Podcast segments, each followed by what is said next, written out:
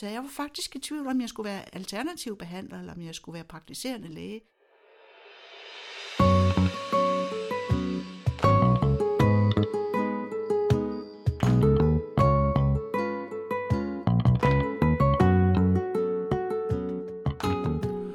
Velkommen til Praktikus podcast. Mit navn er Jonas Fynbo Ebert, og jeg er filmredaktør. I denne podcast skal du møde Bolette Friedrichsen, DSM's nye formand, der har siddet ved posten siden oktober 2021. Du kan blandt andet høre om Bolettes ambitioner for sit formandskab, om hvordan det er at have to fuldtidsjobs, og om hvorfor Bolette valgte lægegærningen frem for alternativ medicin. Vi stiller nu om til det mobile podcaststudie, som er taget til Hobro en dag sidst i marts, hvor Bolette har en af sine dedikerede DSM-dage på sit kontor i sin lægepraksis. I løbet af det relativt korte interview bliver vi afbrudt to gange. Første gang af en journalist, der skulle bruge en udtalelse, og dernæst af en frustreret kollega, der skulle tale de praktiserende lægers sag over for Sundhedsstyrelsen vedrørende lægehjælp til den begyndende strøm af ukrainske flygtninge. Lad os nu høre, hvad Bolette har på hjerte. Velkommen til Praktikus podcast. Vi er nu i Hobro, hvor vi er hos familielægerne, hvor Bolette Friedrichsen hun har sit kontor her først på gangen. Bolette, vil du ikke øh, prøve at beskrive, hvor det er, vi sidder henne? Jo, men øh, det er mit konsultationsrum, og her har jeg været siden 2004. Og på væggen der bag dig, der ser du et hus, der bliver flyttet af øh, cyklister. Er det ikke fantastisk? De tramper i de der pedaler, og øh, husets vinger øh, blafrer. Og så kan vi simpelthen flytte hvad som helst øh, med, med, med meget lavteknologiske midler. Sådan er det jo i almen praksis. Så det, der i virkeligheden skal til, det er en vaskægte rugbrødsmotor. Ja, og så vilje, og så øh, lidt humor. Så går det sgu nok. Øh, nej, men jeg øh, slog mig ned her i 2004, der købte jeg mig ind.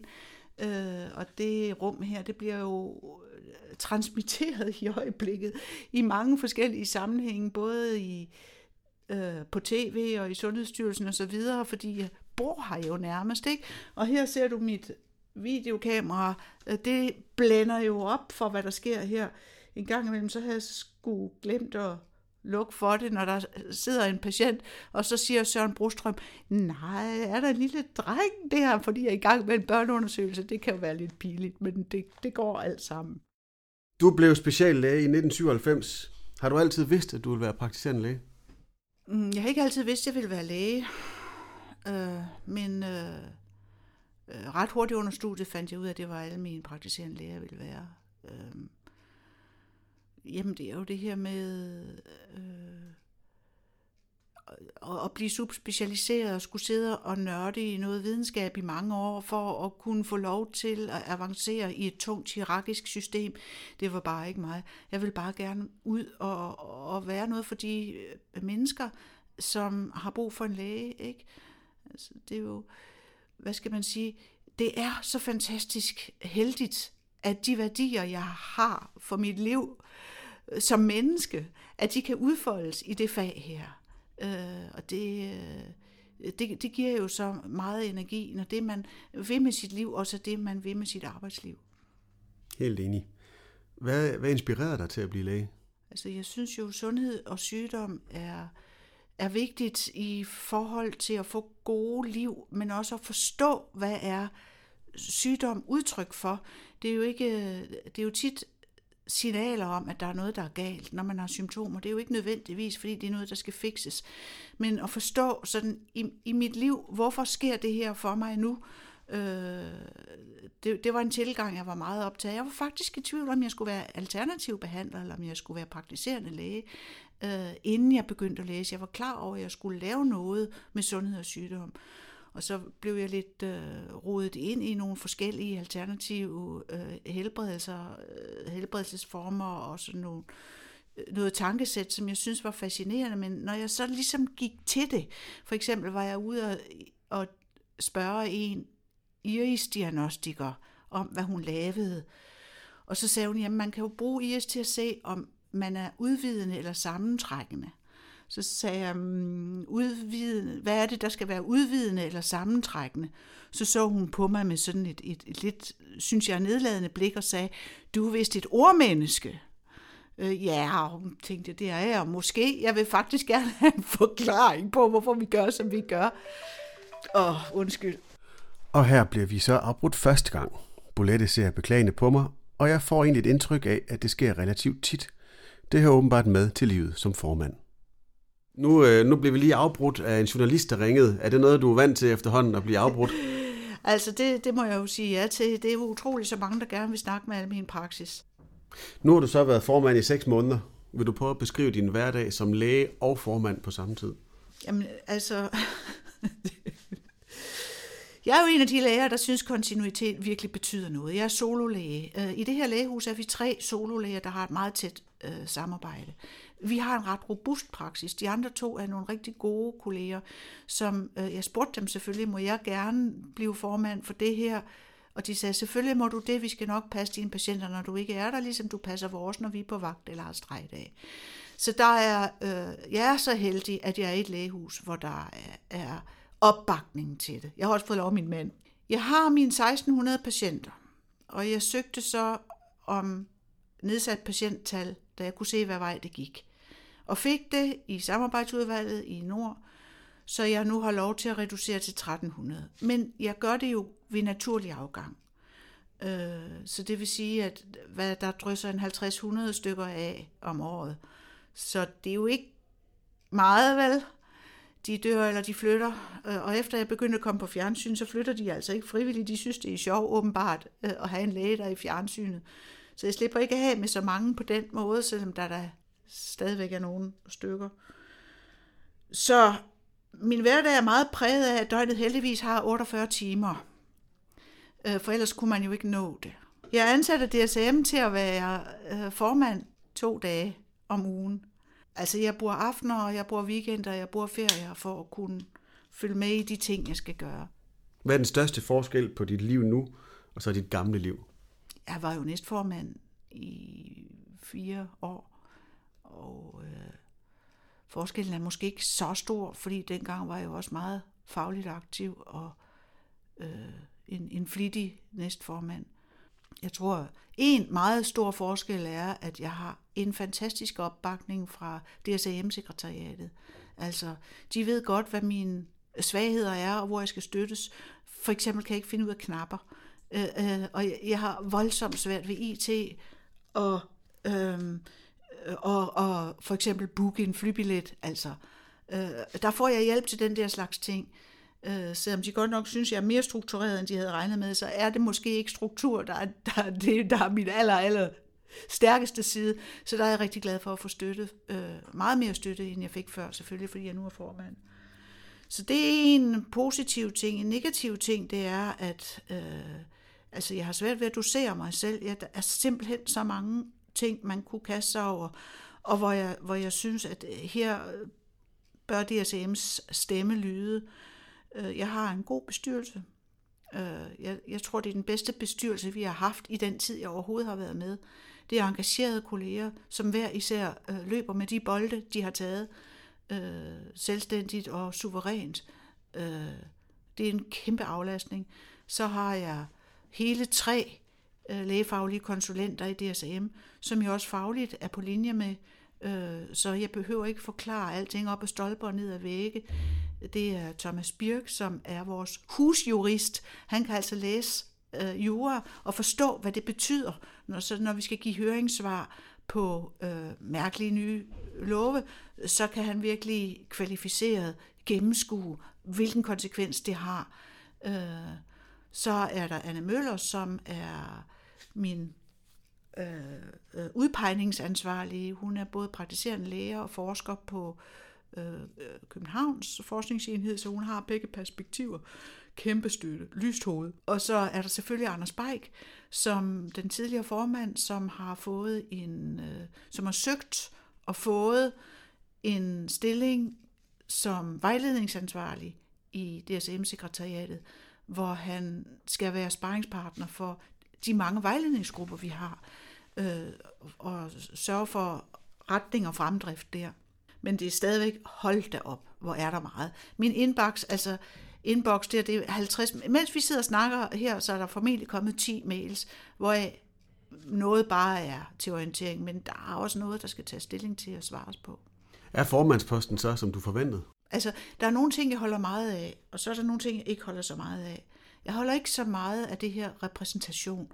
Du ved, skal stå og være grænsekagefigur, og skal... Altså det der med at stå... Jeg kan godt finde ud af at stå på en scene. Jeg er også blevet bedre til det. Men, men det med at sådan... Altså, der er nogen, der siger, at vi er primadonnaer. Har du hørt det udtryk? Ja. At praktiserende læger er primadonnaer. Og det, i første omgang, så troede jeg, det var sådan noget med, at ja, se mig, og, ikke også, og jeg vil have øh, scenelys, og, øh, og ellers bliver jeg krænket. Det er faktisk ikke det, der ligger i det, når man snakker ledelsesmæssigt om at være primadonna. En primadonna, når du snakker ledelsesteori, det er sådan en, der for eksempel overhovedet ikke bryder sig om at få ros, med mindre man selv synes, at det er relevant så bliver man faktisk en lille smule fornærmet. Og det kan jeg faktisk godt genkende fra mig selv. Hvis der er nogen, der begynder at rose mig for det ene og det andet, hvor jeg ikke selv synes, at jeg har leveret tilstrækkeligt nu, så synes jeg faktisk ikke om det. Det er ikke noget, jeg vokser af. Jeg synes nærmest, det er lidt upassende. Jeg bliver lidt utilpas, fordi jeg synes, at så er der endnu mere, jeg skal leve op til. Altså, min, min, øh, mit drive, den kommer, den kommer et helt andet sted fra. Mit drive, den kommer helt klart fra uh, nogle beslutninger, jeg har taget tidligt i livet om, hvad jeg er her for. Ikke? Øh, og det er jo også derfor, at, øh, at jeg er så lykkelig over det, jeg synes, jeg er her for som menneske, at det er i overensstemmelse med at være læge, at være praktiserende læge, og nu at være formand for det her selskab. Ikke også? Så jeg kan få udlevet mine værdier. Hvad er det for nogle værdier? Jamen, der, der er jo flere ting. Det er jo det er jo det, først og fremmest det her, hver eneste menneske er unikt, og hver eneste menneske er i sin egen ret til at være her, øh, har sine egne formål med at være her. Jeg skal ikke sige, hvad det menneske skal eller ikke skal. Jeg kan i bedste fald være den bold, han spiller bold, øh, væg, han spiller bold op af. Men jeg skal ikke dosere. Jeg skal forløse. Og her blev vi så afbrudt for anden gang. Hej Marie. Bolette lægger øre til sin kollegas frustrationer og formår at få talt hende til ro giver sin opbakning og viser sin forståelse for udfordringerne. Udover at stå til rådighed for journalister, står Bolette også til rådighed for fagfælder, der repræsenterer DSM i forskellige faglige udvalg. Vi forsøger efter samtalen at finde tilbage til interviewet. Lige tilbage til formandsposten. Hvilke udfordringer ved det at være DSM-formand, synes du, der har været sværest? Nogle af de her presseting, synes jeg er svære. Altså, jeg bliver bedre til det, men nogle af de her presseting, synes jeg er svære, når, når man med meget kort varsel, mens man også har et fuldt patientprogram, og også har nogle deadlines på noget andet, at man så med meget kort varsel skal levere et nogenlunde kvalificeret svar på, hvorfor er de praktiserende læger også så dårlige til at opspore endometriose? Eller you name it, der er tusind ting. Ikke? Det er cirka en gang om ugen, så er der et eller andet, de praktiserende læger er dårlige til. Og så må man prøve at kvalificere, ikke? også at forklare, at øh, det er vi faktisk ikke, men der er nogle omstændigheder, ikke også? Øh, og indimellem, så er der jo også en sag, hvor man må sige, det kan godt være, at vi har brug for at opruste her, øh, og så må jeg gå tilbage til mit bagland og sige, øh, måske skal vi have nogle vejledninger, eller justere nogle vejledninger, eller sende noget, nogle nyhed, en, have det med i nyhedsmail, eller hvis der har været noget omkring covid, eller det har været noget om nekrotiserende fasciitis, som der var en historie om, ikke? så kan man godt indimellem, ups, ah, selvfølgelig skal jeg ikke stå på mål for, hvad alle mine kolleger gør, og hele branchen, men jeg har jo et eller andet fagligt ansvar, også for, at, øh, at vi også bliver dygtigere, altså at vi udvikler os fagligt. Der, og det, og den, den, den synes jeg har været svær samtidig, når jeg sådan lige får stukket en mikrofon op i hovedet. Hvad vælger jeg udtale dig om det her, ikke også? Og jeg jo måske godt lige vil læse lidt op på det første, eller spørge lidt til højre og venstre, hvordan gør I, eller hvad tænker I? Det synes jeg kan være svært. Er det i virkeligheden et fuldtidsarbejde at være DSM-formand? Ja, men det er det. Og, øh, og man kunne godt, øh, i Norge har man jo valgt, at øh, vores søsterselskab, der før hed NSAM, nu hedder det NLF, tror jeg nok. Men altså det, der svarer til DSAM i Norge, øh, der har jeg en, en dejlig kollega, der hedder Marte, øh, som er praktiserende læge, men det ligger på køl. Hun er 100% formand for The College, altså for det fagvidenskabelige selskab. Jeg tror ikke, det, jeg vil være egnet til det. Jeg, jeg skal have kontakt med patientarbejdet for at kunne vide, hvad der er vigtigt for. Det er der, jeg får mine idéer fra. Øh, og, og, og slippe plovfuren, det, det vil ikke fungere for mig. Øh, selvfølgelig kan jeg gå til en masse møder og diskutere det ene og det andet, men hvis jeg ikke har de her cases hele tiden, øh, og de kommer jo hele tiden, så hvis jeg skal til et eller andet møde på torsdag, så er der garanteret to eller tre cases vedrørende det inden da, der inspirerer mig, og som gør, at jeg kan se, hvad der er rigtigt og forkert at sige. Ikke? Så jeg vil ikke kunne gøre det på den måde. Det vil jeg ikke kunne. Min energi kommer et andet sted fra. Den kommer fra patientarbejdet. Hvad optager dig mest for tiden? Er der nogle særlige sager, som, som optager dig meget? Ja, altså vi har jo DSM øh, professionsetikken øh, på dagsordenen, og den optager mig. Øh, fordi den handler om meget af det, jeg fortæller dig om her. Husk nu, hvorfor du valgte det, du gjorde. Det er klart, at vi også har en butik, vi skal drifte, og det er klart, at vi også har et familieliv, vi skal leve. Øh, og det er klart, at vi skal ikke bruge os selv op. Men jeg tror ikke, at vores udbrændthedsproblemer bliver løst med, at der bliver hældt flere penge ud over os. Øh, og det er jo nok derfor, jeg ikke sidder i PLO. Øh, jeg synes da ikke, der er noget i vejen med penge. Jeg kan godt lide penge. Jeg har det fint med penge. Men jeg tror ikke, vores arbejdsglæde bliver større af, at vi får øh, flere penge for det samme. Jeg tror, at vores arbejdsglæde bliver større af, at vi bliver bedre til at prioritere, hvad der giver mening at gøre. Det er meningsfylden, som, jeg, som er min øh, kæphest. Hvordan kan vi bruge den... Øh, der vil altid være mangel på tid. Hvordan kan vi bruge den afgrænsede tid sammen med patienterne bedst muligt? Og i forlængelse af det, hvordan kan vi få flere praktiserende læger til at få en lille tur i helikopteren, fordi det giver energi. Altså jeg hørte øh, en statistik, at 30 procent af os har en eller anden kasket. Det er sgu mange, ikke? 30 procent af os har en eller anden, så er man øh, klyngeformand, eller så er man DSM-repræsentant, eller så sidder man i en vejledningsgruppe, eller så er man øh, praksiskonsulent. Øh, hvis du tæller det hele sammen, så er det 30 procent af os, der er et eller andet, øh, og som giver det her løft til at se lidt ud over landskabet. Jeg vil gerne have den næste tredjedel med os. Fordi det er, det er noget af det, der giver øh, energi til hverdagen. Så det er en ting, jeg, jeg gerne vil slå et slag for, og har sagt til PLO, kan I ikke få forhandlet ind, at alle lærere, de gerne må bruge en dag honoreret om ugen til et eller andet, så det ligesom bliver noget, man da gør. Øh, så siger Jørgen Skadeborg, Øh, jo, men, men det kan vi da godt, men, men det er jo selvfølgelig også et argument mere for, at vi skal være 5.000. Ja, det er nemlig. Vi skal alle sammen have et lille øh, akademisk ben også. Vi skal ikke glemme, vi er akademikere. Vi er først og fremmest håndværkere, men vi skal ikke glemme, vi er akademikere. Så det var et lille indblik i, hvordan almindelig praksis skal se ud i fremtiden. Men sådan i, i dine øjne, hvordan skal fremtids, fremtidens sundhedsvæsen så se ud? Særligt med fokus på almindelig praksis. Ja, men øh, altså, vi skal gradvis blive synlige som dem, det hele drejer sig om. Det er vi jo allerede, det er bare ikke så sygeligt. Men altså, øh, når du sidder inde i Sundhedsstyrelsen i hvilket som helst møde, så siger de almen praksis, almen praksis, almen praksis. Egen læge, egen læge, egen læge. Vores tovholderfunktion kommer til at blive endnu mere tydelig, endnu mere betydningsfuld. Øh, og øh, øh, jeg tror, vi har en fremtid, hvor vi får et meget tættere samarbejde med kommunerne, som også er de varme hænder, ligesom vi er. Øh, jeg tror, der bliver nogle opgaver der. Øh, PLO må finde ud af, om der bliver økonomi, men jeg tror, der bliver nogle opgaver der, som jeg tror, vi med, øh, med fordel kan påtage os øh, i, i form af prioritering. Vi alle kan ikke få det hele.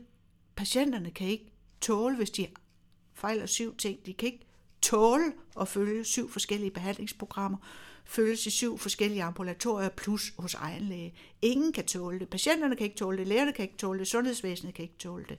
Der må og skal ske en prioritering efter, hvad giver mening for den enkelte. Hvem kan det? Hvilken figur i sundhedsvæsenet kan det? Det er kun os. Og derfor ser jeg det som ret vigtigt, at vi får, øh, at vi får gode overblik i vores journaler, sådan at vi ved, hvor folk, hvad folk de går til, og at vi får gode samtaler med patienterne. Hvad for noget er alt det, hvad vil du egentlig med dit helbred? Hvad for noget er egentlig vigtigt? I stedet for at krydse af på en, med en masse flueben på en masse checklister, som vi har gjort det, og så vi kan levere data til RKKP og hvem der ellers vil have data. Men når du spørger mig, hvad jeg er optaget af, så er det en ting, jeg er meget optaget af, det, og har været det hele tiden. Hvordan kan vi lægge lige så meget styrke i den del af vores arbejde, som er helhedssynet, som vi nu gør i den del af vores arbejde, som hedder en sygdom ad gangen. Hvordan kan vi komme tilbage til det, der skal ske i konsultationsrummet, hvor patienten konsulterer sin læge, og eh, hvor det er patientens dagsorden, og ikke lægens dagsorden, for vi skal have sat de her flueben. Hvordan kan vi styrke den side, fordi den er der, og når vi snakker med kollegerne, så er det jo derfor, de er her. Og øh, det er jo det, de vil. Men det er bare ligesom alt, alt det her, vi skal levere og præstere og producere, det tager magten. Øh, hvordan kan vi give noget magt til den anden side? Der er nogen, der siger, jamen det kommer jo helt af sig selv. Det tror jeg bare ikke, det gør. Vi er nødt til aktivt at gøre noget for det. Vi er nødt til at finde ud af, hvordan kan vi reflektere over, hvordan vi arbejder med kontinuitet, for eksempel. Selvfølgelig kan man måle på kontinuitet, men der er sgu meget af det, der er svært at måle på, ikke? Så vi er nødt til at have nogle gode refleksionsspørgsmål. Hvordan arbejder vi med kontinuitet i vores klinik? Vi skal ikke hen til, at alle skal organisere sig som sololæger, eller alle skal organisere sig som kæmpe store lægehuse med stjernemarkeringer på VIP-patienter. Men alle skal overveje, hvordan arbejder vi med kontinuitet i vores lægehus? Hvordan kan vi lægge vægt i den skål, der hedder første pejlemærke? Vi holder læge-patientrelationen i hævd. Øh, det er svært at måle på. Patienttilfredshed, jamen altså, det er jo tungt ud af vinduet, ikke også? Øh, så vi skal finde nogle, nogle tungvejende måder med den kvalitet. Ligesom der, vi nu har noget, nogle meget effektive og tungvejende måder med den øh, datadrevne kvalitet, hvor data det er tal, som hele overenskomstens klynge i det er bygget op om tal. Men så skal vi også have nogle stærke kvalitets, et stærkt kvalitetsarbejde omkring tale, omkring ord, omkring relation, kontinuitet og mening. Det giver ikke nogen mening at måle på en masse tal, før man har fundet ud af, hvad det giver mening at måle på. Vel? Så det er jeg meget optaget af, at prøve at søge inspiration forskellige steder. Hvordan kan vi styrke den del øh, af kvalitetsarbejdet, der hedder meningsfylde? Hvad er dine ambitioner for de næste 18 måneder på posten? Ja, mere af det her. ja, hvad skal jeg sige? Jamen, det synes jeg er et godt svar. Ja. mere af det, du laver. Ja. ja. Jeg har lovet at tage to år. Jeg er overhovedet ikke afklaret med, om jeg overhovedet har helbred til at tage to mere. Øh, det, det, det er, det er hårdt arbejde, hvis man, hvis man vil være andet end en grænsekagefigur. Det, jeg bryder mig ikke om grænsekage. Det gør jeg ikke. Jeg vil hellere ned i, i plovfuren. Og her slutter interviewet med Bolette Friedrichsen. En stor tak skal lyde til Bolette for at have taget sig tid til at snakke med os i sin travle hverdag. Hvis du kunne lide, hvad du hørte, må du meget gerne give podcasten en karakter i din podcast-app, og eventuelt dele den med dine venner og kollegaer. Manuskript og interview blev udført af Jonas Fynbo Ebert, og musikken er lavet af Andreas Kæmpe.